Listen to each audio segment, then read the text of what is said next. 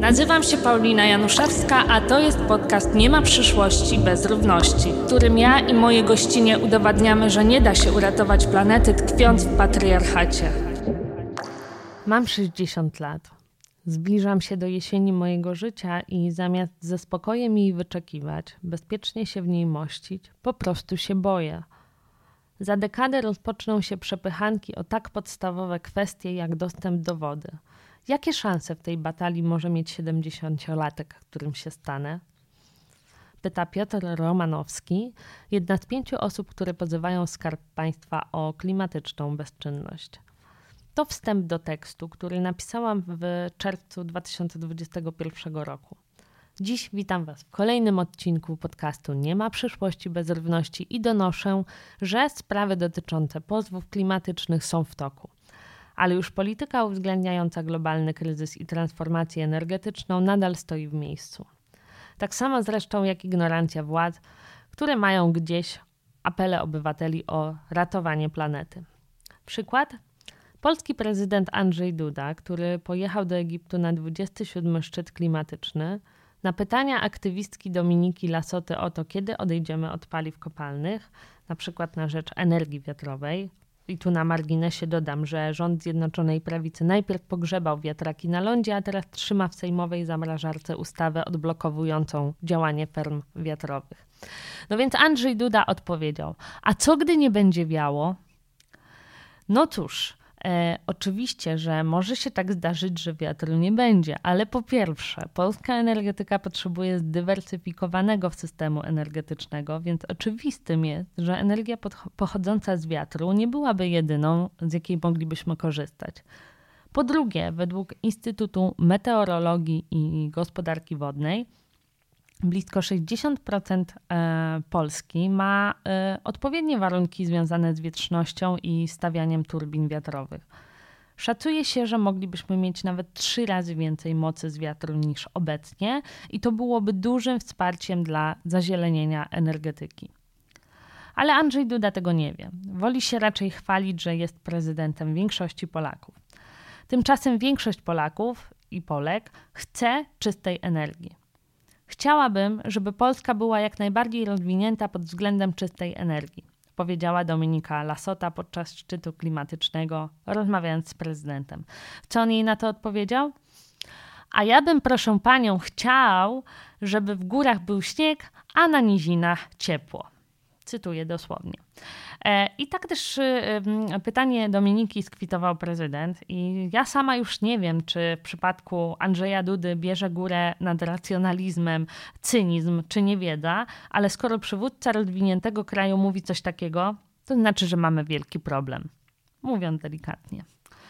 I nic nie wskazuje na to, by trwający właśnie szczyt klimatyczny miał cokolwiek zmienić tekście zapowiadającym to wydarzenie i opublikowanym na łamach krytyki politycznej pisałam m.in. o tym, że organizatorzy tegorocznej konferencji w Sharm el-Sheikh wzięli na sponsora jednego z największych producentów plastiku. Mowa o Coca-Coli, ale to nie reklama. E, a za, e, a za PR e, zapłacili firmie, która specjalizuje się w greenwashingu. E, i która współpracowała z największymi koncernami paliwowymi, ukrywając ich zgubny wpływ na środowisko i klimat oczywiście. Ale to i tak nie największe zgrzyty, jakie wywołuje to wydarzenie. Musimy pamiętać o tym, że Egipt to kraj represji, E, antydemokratyczny reżim, w którym więzi się i torturuje nawet 60 tysięcy opozycjonistów, w tym naukowców, osoby działające na rzecz praw człowieka i na rzecz zmian systemowych, to także osoby, które działają na rzecz klimatu. E, w Egipcie zakazuje się mówienia prawdy, organizacji protestów, blokuje się strony w internecie i po prostu klembluje usta e, mediom, naukowcom, aktywistom. Nic dziwnego, że na przykład Greta Thunberg e, zbojkotowała szczyt w Sharm el-Sheikh. E, z kolei Naomi Klein e, nazwała go polityczną maskaradą. I oczywiście możemy się w nieskończoność zrzymać z hipokryzji decydentów odwiedzających Egipt, ale powinniśmy pamiętać o jednym. Wciąż jako obywatelki, aktywistki, dziennikarki, naukowczynie, pisarki i mogłabym tak wymieniać w nieskończoność, mamy naprawdę wiele narzędzi skutecznego oporu e, w całej tej walce z bezczynnością i kłamstwami decydentów. Najważniejszym z nich jest oczywiście obnażanie zielonej ściemy na najróżniejsze sposoby. Możemy demonstrować, możemy monitorować, możemy prowadzić śledztwa wymierzone w zbrodniarzy klimatycznych, możemy zawstydzać i konfrontować się z architektami katastrofy i jej biernymi pomocnikami.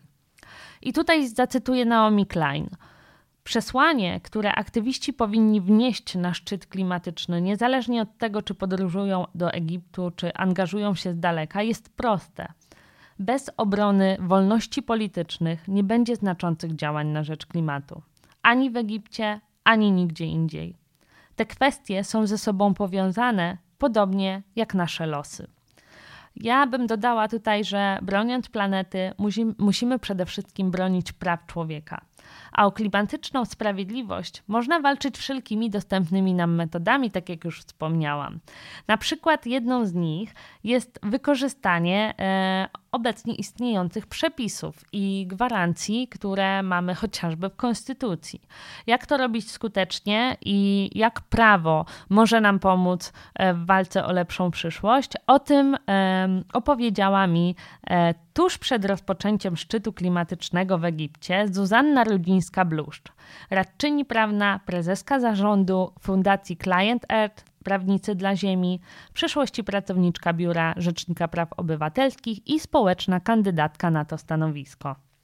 Dziś w studiu jest z nami Zuzanna Rudzińska-Bluszcz. Bardzo się cieszę z tego spotkania, e, zwłaszcza, że czekałam na nie dość długo, e, ale myślę, że dzisiaj bardzo dużo ciekawych tematów przed nami. Przede wszystkim e, te związane z ochroną praw przyrody i tym, jak łączą się one, prawa przyrody, z prawami człowieka.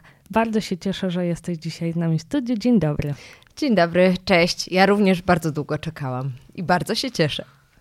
I zacznę, myślę, od e, takiego pytania, czy dzisiaj bardziej czujesz się e, rzeczniczką praw człowieka, czy właśnie przyrody? Bo ze względu na Twoją historię kandydowałaś na e, Urząd Rzecznika Praw Obywatelskich. Dziś jesteś w Client Earth gdzie Ziemia jest w zasadzie klientką e, prawników i prawniczek.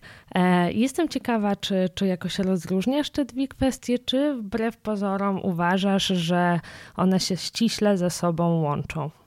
Obiecywałeś, że nie będzie ciężkich pytań, a tutaj pierwsze pytanie i już ciężkie.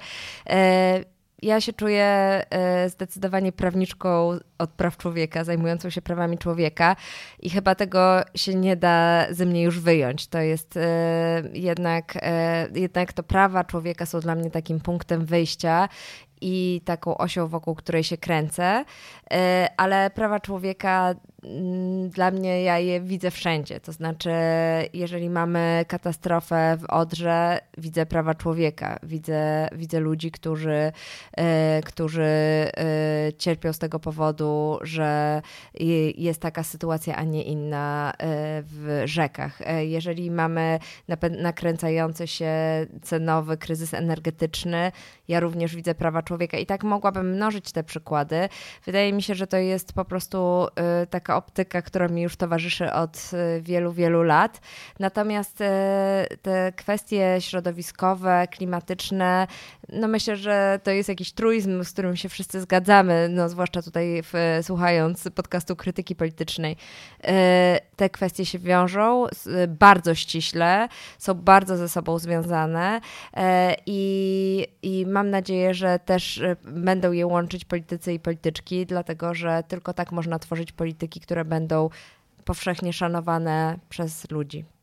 No ja się właśnie zastanawiam nad e, tą podmiotowością prawną e, przyrody, bo to jest taki temat, który zdobywa coraz więcej e, uwagi, również w mainstreamie, ale przede wszystkim wśród prawników i prawniczek. Znamy wiele przypadków, przykładów z zagranicy, gdzie rzeczywiście rzeki czy jakieś inne elementy przyrody zyskują ten, tę podmiotowość prawną.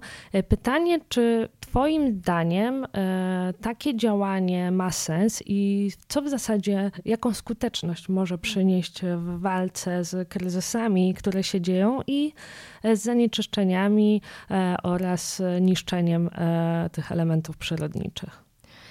Szczerze mówiąc, y, nie mam zdania. Oczywiście obserwuję tę debatę i obserwuję różne działania w Nowej Zelandii, w Wielkiej Brytanii dotyczące na przykład podmiotowości prawnej rzek. Natomiast dla mnie, jako e, prawniczki, prawni e, praktyczki, czyli osoby, która chce wprowadzać zmianę systemową tu i teraz, bo to mnie interesuje, nie jestem teoretyczką prawa. E, ja jestem praktyczką. Mnie kręci zmienianie sytuacji w Polsce tu i teraz i na najbliższe lata i dekady. E, z tego punktu widzenia e, bardziej dystansuję się od różnych takich właśnie e, nowinek, a bardziej bym chciała, żeby po pierwsze obowiązki władz publicznych były zapisywane w prawie, po drugie, żeby one były wykonywane.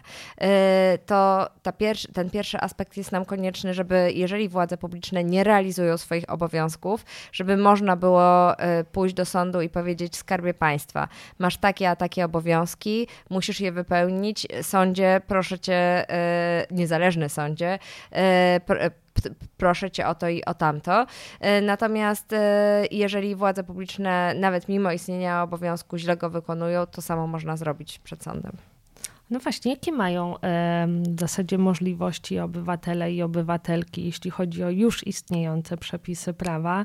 E, wiemy, że toczą się, zostały wystosowane pozwy klimatyczne e, przez kilku obywatelek i obywatelki Polski, e, którzy rzeczywiście zaskarżają władze państwa o to, że niedostatecznie odpowiadają na bieżące kryzysy. Pytanie, klient tutaj e, ich wspiera oczywiście prawnie. E, pytanie moje e, właśnie polega. Jeszcze raz. Moje pytanie brzmi, jakie w zasadzie tutaj mamy metody, żeby samodzielnie, wykorzystując istniejące prawo, walczyć o to, co jest dla nas najważniejsze i czy pozwy są jedyną w zasadzie taką skuteczną, czy w ogóle skuteczną metodą? No, ja bardzo zachęcam do tego, żeby brać sprawy w swoje ręce, bo na pewno nie ma co czekać, że e, władza centralna zrobi to za nas. E, może zrobi, a może nie zrobi, może zrobi dużo później niż e, byśmy tego chcieli. Odpowiedź będzie długa, ostrzegam. Podróżując po Polsce kilka lat temu już jako prawniczka z Biura Rzecznika Praw Obywatelskich, spotykałam się z wieloma ludźmi y, lokalnie, w mniejszych miejscowościach i na wsiach, którzy y, walczyli o swoje otoczenie, właśnie to otoczenie, które było zatruwane dymami z kominów, które, y, o rzeki, które były zanieczyszczane z wysypiskami śmieci i innymi instalacjami w pobliżu swoich domów.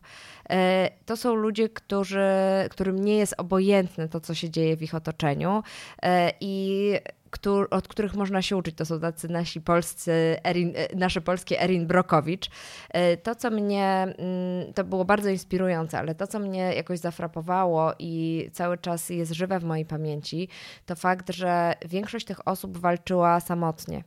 E, walczyła pod swoim imieniem i nazwiskiem, e, często tocząc walkę Dawida z Goliatem, e, narażając się na różne konsekwencje, od zastraszania poprzez użycie siły, aż po y, SLAP, czyli y, Strategic Lawsuit Against Public Participation. To są takie postępowania wytaczane li tylko, żeby uprzykrzyć życie i zniechęcić do jakiegoś sprzeciwu. E, I pomyślałam sobie wtedy, i dalej to chodzi po mojej głowie, że świetnie by było wesprzeć tych lokalnych aktywistów i aktywistki e, wiedzą prawniczą, jak zakładać stowarzyszenia, jak zakładać fundacje, jak e, ubrać te, tę e, aktywność, aktywizm w formę prawną, nie po to, żeby trzeba było się sprawozdawać i składać wnioski do KRS-u, ale po to, żeby ochronić właśnie przed bardzo negatywnymi konsekwencjami ze strony właścicieli fabryk, właścicieli tych kominów, zatruwających pływających, rzeki i tak. Natomiast to, to na poziomie lokalnym w Polsce chylę czoła naprawdę przed wszystkimi, którzy poza ciężką pracą, poza domem jeszcze znajdują czas, żeby zadbać o swoje otoczenie.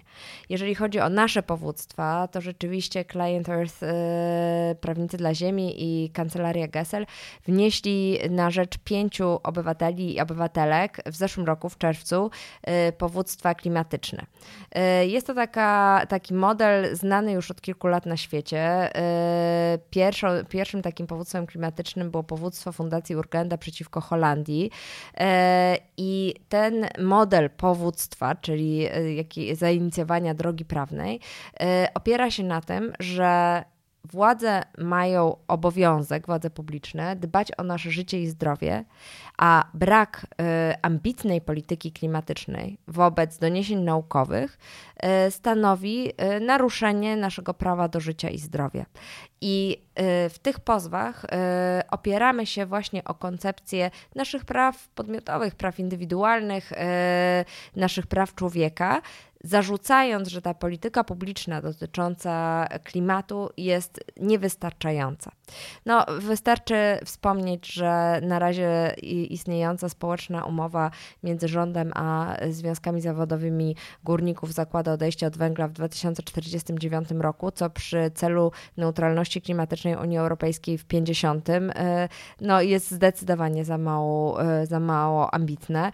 E, tak samo Krajowy Plan na rzecz Energii i Klimatu wskazuje 30% redukcję emisji gazów cieplarnianych w 2030 roku w porównaniu do roku 90, a e, Unia Europejska wskazuje na 55% redukcję gazów e, cieplarnianych. Więc e, no, widzimy, że te polskie ambicje są za małe i to znowu nie chodzi o zapisanie czegoś w prawie, tylko chodzi o realne skutki dla nas wszystkich, e, które już są odczuwalne mm, w Polsce i właśnie to pokazujemy w naszych pozwach. Te pozwy wnie, wnieśli, wniosły bardzo różne osoby zamieszkujące na obszarze całej Polski, na Warmii, Wielkopolskim Lesie, nad rzeką w Biebrzańskim Parku Narodowym, a ostatnia powódka, której sprawa, rozprawa była przedwczoraj w Toruniu, na której stawałam przed sądem. Maja, 19-letnia Maja, jest po prostu aktywistką klimatyczną, która wskazuje, że nie tylko doskwierają jej już te zmiany klimatu widoczne gołym okiem, jak gwałtowne zjawiska pogodowe, porywiste wiatry, upalne, tropikalne noce, ale to też wpływa na jej poziom samopoczucia, lęk, depresję klimatyczną. Czyli tutaj mamy po prostu e, naruszenie też dóbr osobistych, ale przede wszystkim właśnie e, te wszystkie e, negatywne konsekwencje, które są odczuwane bezpośrednio. Pamiętam, że gdy te pozwy zostały złożone, rozmawiałam z panem Piotrem, jeśli dobrze pamiętam jego imię, o, mm, o tym, że po prostu to wpływa na jego pracę i, i otoczenie, a zajmuje się rolnictwem ekologicznym. Rzeczywiście rzeczywiście tutaj te powody są takie bardzo mocne i przede wszystkim, jeżeli ktoś wątpi w zmiany klimatu wciąż, e, to, to e, te osoby dostarczają e, po prostu takich dowodów ze swojego życia codziennego, ale jestem ciekawa, na jakim w zasadzie etapie są te sprawy, na ile tutaj możesz się z nami podzielić szczegółami, czy możemy w ogóle prognozować to, czy, czy one odniosą jakiś e, skutek pozytywny i czy rzeczywiście on będzie miał realny wpływ na to, co się dzieje dookoła, na to, co się dzieje w e, polityce krajowej, bo e, zdecydowanie jest tak, że kiedy myślimy o sprawach sądowych, to często wiemy, jak długo one się potrafią wlec i no to może też zniechęcać do tego typu działalności. Co byś tutaj na obronę takiej metody walki z kryzysami e, przytoczyła? E, no wiesz, e, ja jestem też taką osobą, która nie lubi walić głową w mur i stać z założonymi rękoma. Oczywiście, że najchętniej widziałabym wpisanie ambitnych celów politycznych w nasze, nasz system prawny, w jakieś ustawie. Chciałabym, żeby państwo miało kompleksową politykę i prawo klimatyczne. Natomiast jeżeli to się nie dzieje, no to chwytamy się różnych środków, różnych narzędzi. Dla mnie w ogóle litygacja strategiczna, czyli wytaczanie powództw, które są precedensowe, które adresują jakiś systemowy problem w państwie, które są oparte często o innowacyjną, niestandardową ścieżkę prawną. Y, ta litygacja strategiczna ma dwa cele. No, jeden cel to oczywiście wygrać daną sprawę przed sądem, to jest taki zero-jedynkowy wymiar każdego postępowania sądowego. No i tutaj ciężko prognozować. My wytoczyliśmy te sprawy przed różnymi sądami. Nie chcieliśmy, żeby to było warszawsko-centryczne. By odbyła się już jedna rozprawa w Łomży, sprawa została skierowana na posiedzenie niejawne, czekamy na wyrok y, sądu. Y, jeżeli chodzi o sprawę toruńską, ta, ta, tą, w której była ostatnio rozprawa, to teraz pełnomocnicy stron mają 30 dni na takie pismo podsumowujące argumenty, pismo końcowe i potem sąd również na posiedzeniu niejawnym najprawdopodobniej wyda wyrok. Oczywiście to będą sądy pierwszej instancji. Później te sprawy zostaną na pewno zaskarżone do sądów apelacyjnych. Sądy apelacyjne wyznaczą termin rozprawy, później y, będą orzekać, więc y, na pewno mówimy tutaj o późnym 2023 albo 2024 e, roku. Nie zdziwiłabym się, gdyby sprawy te, albo przynajmniej jedna, dotarły do Sądu Najwyższego, więc rzeczywiście jest to dalekosiężna perspektywa czasowa. Ale powiedziałam, że e, są dwa cele litygacji strategicznej e, i poza tym zero-jedynkowym wygrana, przegrana. Jest także cel zmiany naszej świadomości, zmiany naszej definicji, co jest możliwe, a co jest niemożliwe. Jest e, zmiana wyobraźni e, polityków i polityczek, którzy nagle mm, dostrzegają, że e, pewne rzeczy, które wydawały się abstrakcyjne 10-15 lat temu, nagle stają się naszą rzeczywistością. No, jeżeli chodzi o prawa człowieka, takich przykładów mamy bardzo dużo. Jeszcze jak ja zaczynałam aplikację adwokacką, no, był było to w mm, pierwszej dekadzie XXI wieku, to usłyszałam od starszego prawnika Zuziu, adwokat to nie jest zawód dla kobiety, więc y, myślę, że teraz y, co, coraz mniej panów by się odważyło na taki komentarz, a myślę, że też teraz dużo więcej aplikantek odważyłoby się to skrytykować publicznie. Więc czasy się zmieniają, standardy praw człowieka się zmieniają, zmieniają, ewoluują e, i e, też to dotyczy tej sfery klimatu. Też nie możemy abstrahować od sytuacji geopolitycznej. E, nie wiem, czy chciałaś do tego przejść, bo ja tak mogę monologować, a to ma być rozmowa, ale, ale wydaje mi się, że żyjemy w bardzo ciężkim momencie, e, kiedy e, wojna w Ukrainie e, ma nie tylko reperkusje, jak każda wojna budzi nasz lęk, strach, czujemy, czujemy zagrożenie, ale też i z drugiej strony pomagamy zaatakowanym sąsiadom, ale też napędza kryzys.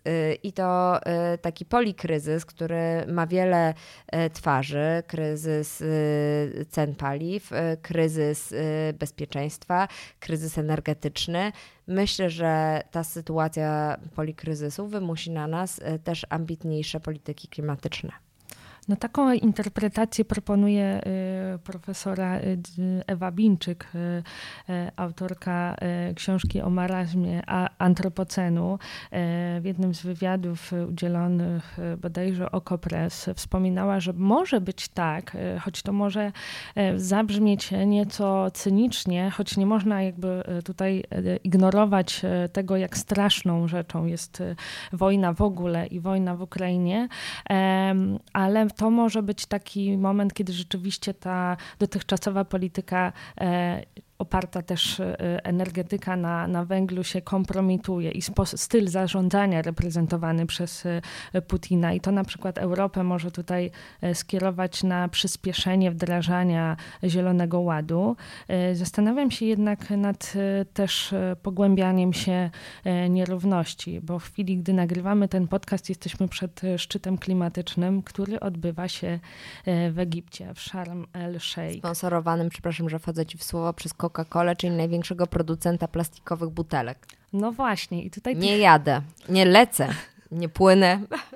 No ja myślę, że niestety wielu decydentów e, pojedzie i to też pojedzie po to, żeby um, powygrzewać się w słońcu, podczas gdy to jest e, nie tylko szczyt sponsorowany, tak jak wspomniałaś, przez e, korporacje, ale także um, reklamowany, promowany przez firmę PR-ową, która współpracuje ściśle z największymi trucicielami planety, czyli po prostu właścicielami firm wydobywających i spalających paliwa kopalne. E, tutaj e, też jest jeszcze jeden właśnie taki aspekt, na który chciałabym zwrócić uwagę, czyli właśnie prawa człowieka, prawa obywatelskie, dlatego że Egipt e, to po prostu reżim, który więzi dziesiątki tysięcy przeciwników politycznych prezydenta Sisiego. No i właśnie, mamy trochę taki pokaz hipokryzji, ale to też pokazuje, jak bardzo prawa człowieka w, w kontekście kryzysu klimatycznego są istotne. E, to znaczy, bodajże Naomi Klein wspomina, e, że jeżeli nie będziemy mieli oby wolności obywatelskich, nie będziemy mieli prawa głosu, to nie będziemy mogli tych polityków, którzy taką hipokryzję uprawiają, po prostu zawstydzać, wywoływać do tablicy. E, I chciałabym e, spytać Cię, jak Ty widzisz to połączenie właśnie praw obywatelskich i kryzysu klimatycznego? Czy właśnie w obliczu takich wydarzeń nie wydaje Ci się, że to wszystko trochę nie ma sensu, bo rzeczywiście jest tak, że uciszamy e, głosy tych, którzy chcą zmiany i że na koniec dnia to politycy podejmują decyzje, które są e, no w zasadzie pogłębiają ten marazm antropoceny, o którym e, wspomniałam na początku tej wypowiedzi. E, no na pewno y, u mnie y, taka, taka chęć działania czasem jest zalewana falą frustracji, a nawet frustry. Y, i, I na pewno te okoliczności, o których mówisz, się do tego przyczyniają, więc tutaj nie wiem, czy to było słychać, ale westchnęłam głęboko i, i robię to jeszcze raz. Natomiast no, powiem tobie, powiem naszym słuchaczkom i słuchaczom e, bardzo rzecz indywidualną i intymną może. Ja sobie wyszłam już z tego, że ja zmienię świat. E, ja zmieniam świat na skalę, którą ogarniam.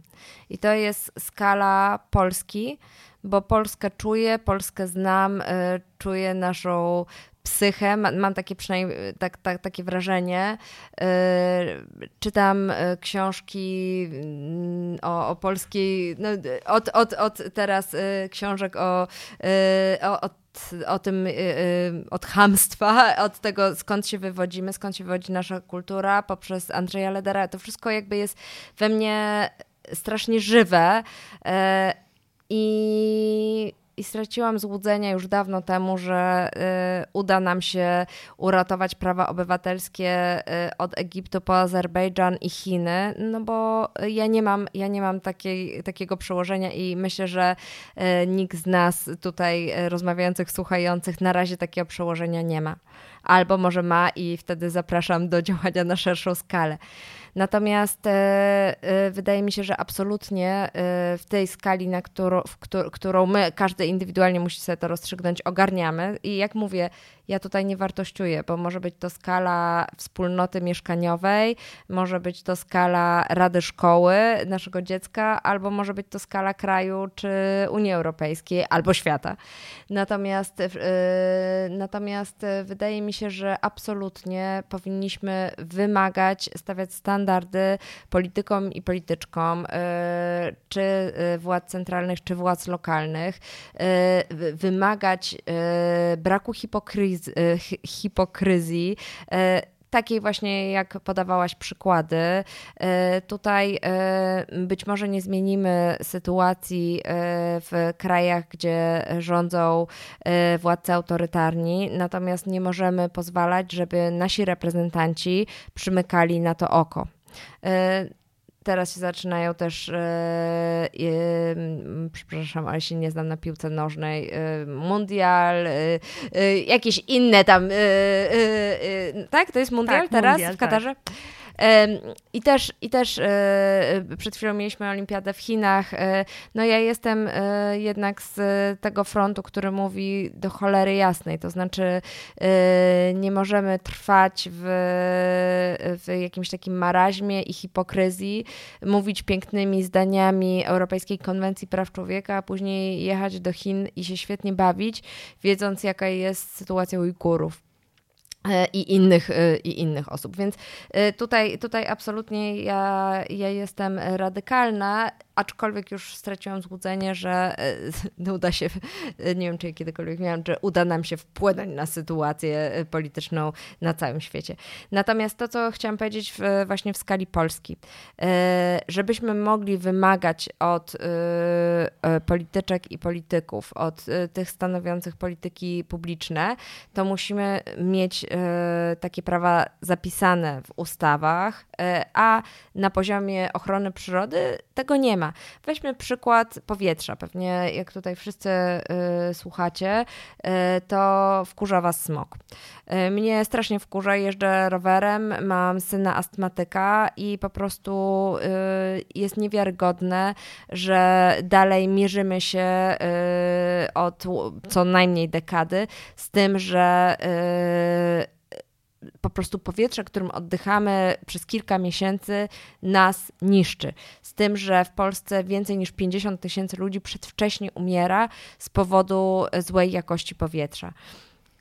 Niemniej e, plany wieloletnie, e, które przyjmuje województwo, każde województwo w Polsce, programy ochrony powietrza nie mogą być zaskarżane e, ani przez osoby indywidualne, ani przez organizacje społeczne ponieważ e, Polska nie implementowała właściwie konwencji z Orhus, e, która nam takie prawa przyznaje.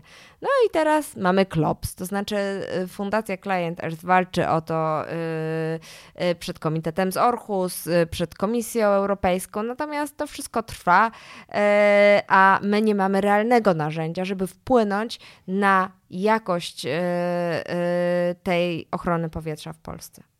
No właśnie tych spraw jest bardzo dużo i też te narzędzia nie działają i też takim przykładem, na który e, uwagę zwraca klient jest e, kwestia lasów i ich wycinek. E, przed paroma dniami gościłam w studiu Lasy i Obywatelki, które szerzej o tym mówiły, ale właśnie wy też zwracacie uwagę na to, co nie działa.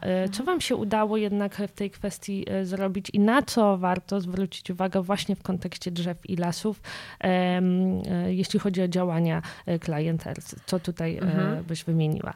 No, y, bardzo polecam y, ostatni raport y, Fundacji Client Earth w autorstwa Rani Łuszczyk, naszej prawniczki, dotyczący lasów państwowych. To jest fascynujące dla mnie, że lasy państwowe zarządzają właściwie jedną czwartą naszego kraju, dostarczają na rynek właściwie 90% drewna, a właściwie są pozbawione kontroli.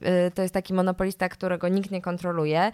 E, niby mają chronić przyrodę i zajmować się handlem drewnem. To są takie dwa cele lasów państwowych, ale zaskakująco na ochronę przyrody w zeszłym roku wydano e, blisko 19 milionów złotych, a na pozyskanie drewna e, ponad 2 miliardy złotych. No więc tutaj widzimy niezłą różnicę. Kontrola, tak jak mówiłam, jest iluzoryczna. Jeżeli chodzi o kontrolę, czy drewno jest pozyskiwane legalnie, to ponad 80% nadleśnictw nie zostało nigdy skontrolowanych. A jeżeli już zostały skontrolowane, to kontrola odbywa się na zasadzie przeglądania papierów. Yy, nie ma właściwie w ogóle niezapowiedzianych kontroli, które na, yy, na, na wiadomo, że są najbardziej skuteczne. Lasy państwowe, jak już powiedziałam, zarządzają jedną czwartą terytorium Polski, ale w Inspekcji Ochrony Środowiska zadaniem kontroli legalności pozyskania drewna zajmuje się ośmiu pracowników, tylko ośmiu. Więc y, y, no, widzimy, jak ten system nie działa, jak jest to jakimś takim monopolem z dawnego systemu. No i co? I nic się nie dzieje, więc no myślę, że tutaj Wam nie muszę mówić. Musimy walczyć o to, żeby to się zmieniło. To ja bym jeszcze chciała Cię spytać e, o to, e, pozwolisz, że zacytuję Twoją wypowiedź e, w momencie, e, kiedy dołączałaś do zespołu Client Earth, która mnie też bardzo poruszyła. Mówiłaś, że zbyt rzadko w debacie publicznej zastanawiamy się, co nas łączy jako mieszkańców Polski. Chciałabym, żebyśmy dostrzegli, że środowisko jest naszym dobrem wspólnym, a zmiany klimatu są realnym wyzwaniem dla świata, który znamy, znamy i tego, który zostawimy zostawimy naszym dzieciom. Client Earth swoimi działaniami od lat wspiera zmianę, zmianę Polski w bezpieczny i przyjazny kraj.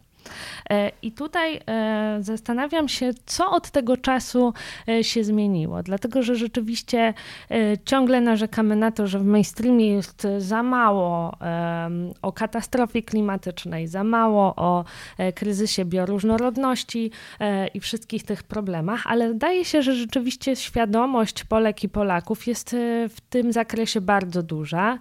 I też takim pytaniem, które w zasadzie często zadaję moim rozmówczyniom, to jest właśnie to, czy środowisko i przyszłość planety są takim, taką przestrzenią, w której mogą spotkać się wszyscy i co wbrew pozorom rzeczywiście łączy e, spolaryzowane społeczeństwo. Czy to, na co miałaś nadzieję, mówiąc te słowa, e, już się jakoś wydarza? Czy widzisz to w swoim otoczeniu, w trakcie swojej pracy?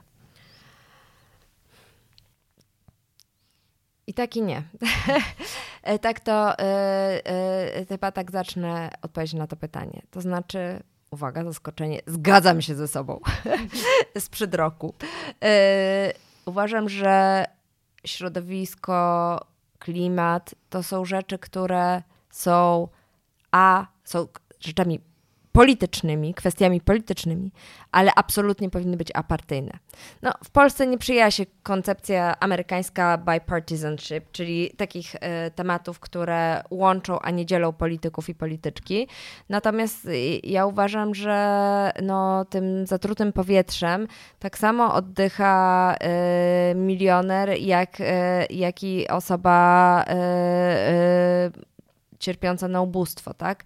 E, oczywiście milioner przejeżdża, do, jeszcze więcej e, do zatrucia tego powietrza, ponieważ przejeżdża e, z miejsca na miejsce samochodem, e, natomiast, e, natomiast nie ulega wątpliwości, że nie uchroni się od tego. Trochę zresztą pandemia to pokazała, że na koniec dnia ci potrzebujący wszyscy się spotykali w szpitalu publicznym, a nie w prywatnej służbie zdrowia.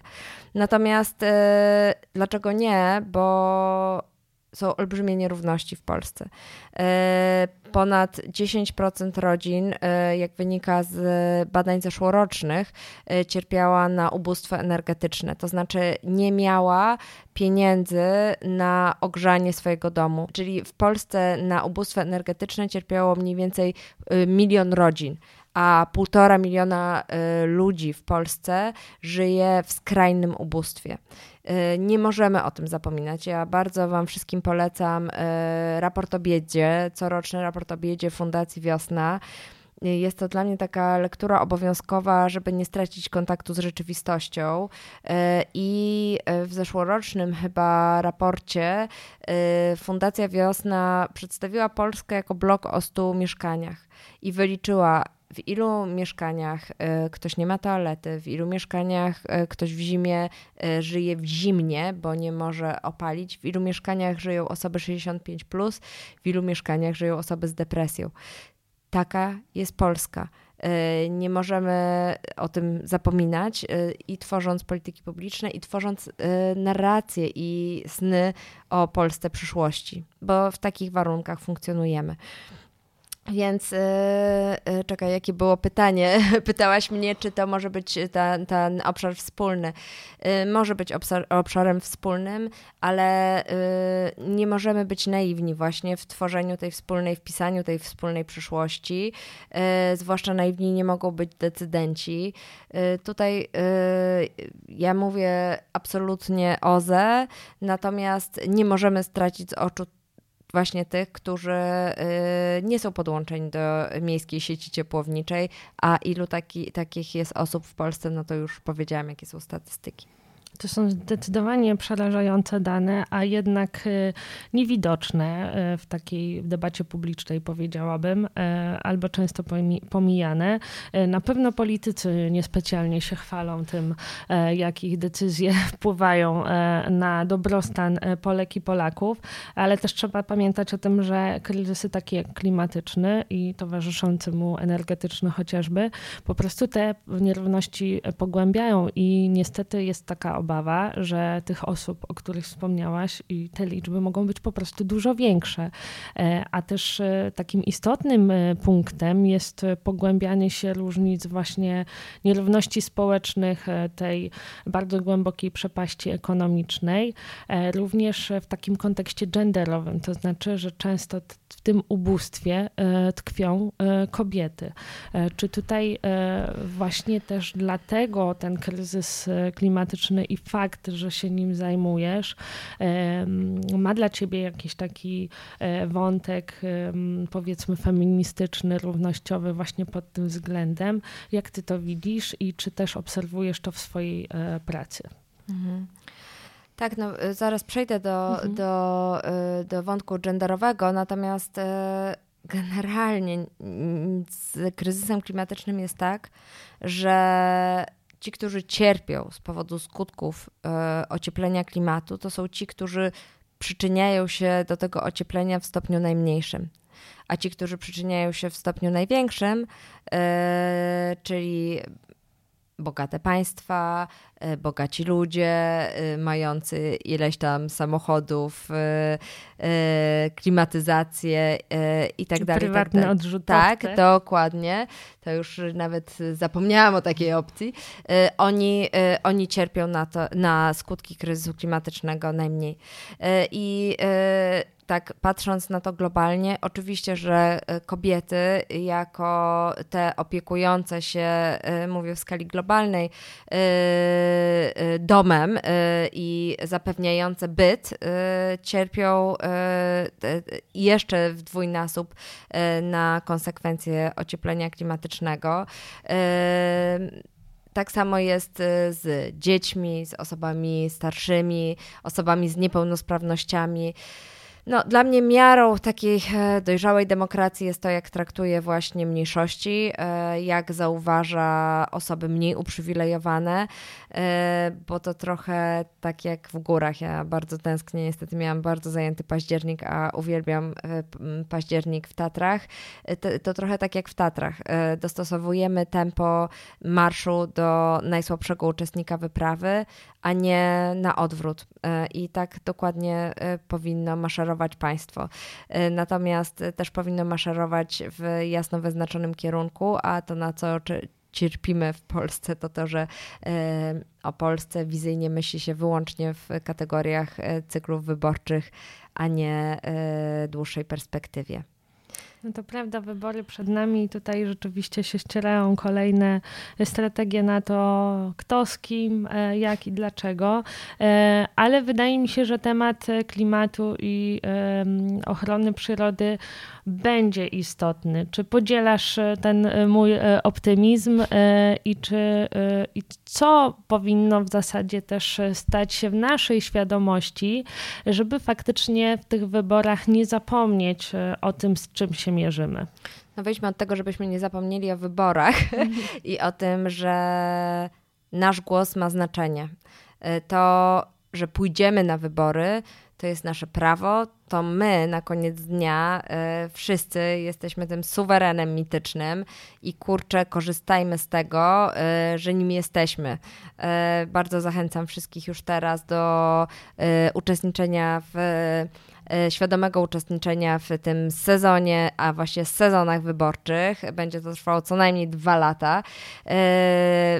Googlujmy chodźmy na spotkania przedwyborcze, odpytujmy posłów, znajdźmy swojego faworyta i, czy faworytkę i na, niego, na nią zagłosujmy. E, natomiast e, tak, wydaje mi się, że e, sytuacja geopolityczna, już o tym trochę mówiłam, wymusza odejście od paliw kopalnych, no bo wymusiła odejście od paliw kopalnych z Rosji i wymusza rozmowę o OZE. Odra się wydarzyła i mam nadzieję, że nie zostanie zakopana pod y, stoma tysiącami y, nowych tematów. Y, to są rzeczy, które muszą być na agendzie każdej partii politycznej, która chce zdobyć jak największą liczbę głosów. No, oczywiście warto jest dopytywać o szczegóły, bo wiadomo, że w nich tkwi diabeł. Ja sobie myślę, że ta trzecia dekada XXI wieku jest, yy, chciałam powiedzieć, czasem transformacji, ale transformacja w Polsce chyba się najlepiej nie kojarzy. To znaczy, transformacja, jak myślę transformacja, myślę o wielkim przełomie y, systemu prawnego, gospodarczego, w Polsce, y, politycznego oczywiście, y, za których chylę czoła, bo, bo dzięki temu y, ty i ja możemy żyć w tej wolnej Polsce, ale transformacja ma też ciemną stronę, która wiąże się z ludźmi, których nie dostrzegano przez lata czy, czy dekady nawet, z ludźmi, którzy których zostawiono gdzieś, właśnie nawiązując do tej analogii górskiej, biegnąc po górach, a nie nawet maszerując, e, więc e, może używajmy innego słowa. No, ta przemiana klimatyczna e, musi zabierać wszystkich na pokład. I to jest wielka odpowiedzialność polityczek i polityków, żeby zrobić to zdecydowanie lepiej niż w latach 90. Ja nie mówię, że wtedy można było to zrobić inaczej. Nie jestem e, ekspertką, która by się wypowiadała e, na tematy e, transformacji ekonomicznej, więc nie, nie, nie będę wchodzić w, w te kompetencje. Natomiast wyciągając lekcje z tego, co poszło źle na początku lat 90., wyciągnijmy rzeczywiście tę lekcję E, słuchajmy ludzi, e, słuchajmy ich lęków, zabierzmy ich na pokład i po prostu wprowadźmy Polskę wreszcie w XXI wiek, e, stawiając czoła XXI-wiecznym wyzwaniom.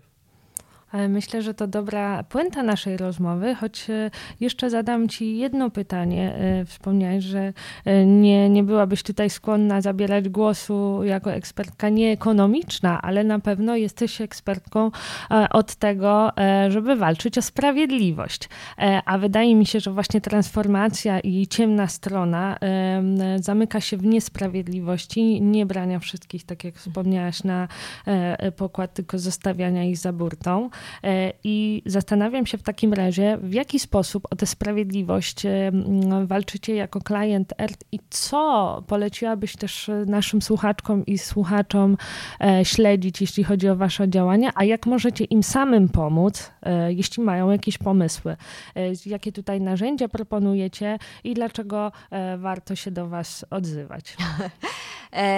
Ja bardzo polecam Wam wszystkim śledzenie działań Client Earth. My nie niestety, ale niestety, stety, no są różni aktorzy i aktorki na e, scenie NGO-sowej e, i mamy różne role e, i uważam, że to jest świetne. My nie jesteśmy organizacją aktywistyczną, jesteśmy organizacją zrzeszającą głównie prawników i prawniczki i podejmujemy działania prawne na rzecz zmiany systemowej. Więc niestety nie możemy na przykład przyłączać się do spraw indywidualnych czy indywidualnie pomagać, E, niestety, bo e, wiele spraw jest przerażających, jeży włos na głowie. Tu polecam kontakt z Biurem Rzecznika Praw Obywatelskich. Rzecznik ma dużo więcej możliwości, też mając 300 osób zatrudnionych na pokładzie. Natomiast Client Earth mierzy, celuje takie, ma takie działania prawne, które są wycelowane w te obszary, które wymagają zmiany systemowej. I, no i radzę, radzę nas śledzić, polubić i, i po prostu patrzeć na nasze działania, bo staramy się działać bardzo punktowo, ale też bardzo profesjonalnie i merytorycznie. I oczywiście politycznie, a apartyjnie, bo w mojej definicji te tematy, którymi się zajmujemy, są tematami politycznymi społecznymi yy, i się tego nie boimy. Świetnie, no ja myślę, że tylko mogę y, zachęcić, podłączyć się do tej zachęty, e, żebyście śledzili i śledziły e, działania klienter, a przede wszystkim też e, trzymali i trzymały kciuki za pozwy klimatyczne, oby szybko wyroki w tych sprawach zapadły i były pozytywnie rozpatrzone względem dobra planety i nas wszystkich. Bardzo Ci dziękuję za tę rozmowę. Życzę powodzenia właśnie w w, tych sprawach i kolejnych. E, I mam nadzieję, że e, następnym razem, jeśli się spotkamy, e, to już będziemy żyć w zielonej Polsce. Albo zieleńszej chociaż. Chciałam tylko powiedzieć, nie wiem kiedy będzie wyemitowany nasz podcast, ale 1 listopada zapowiada się a mam 40 lat, yy, najcieplej od kiedy pamiętam, yy, więc myślę, że to jest bardzo aktualny temat rozmowy. Dzięki. Dziękuję bardzo.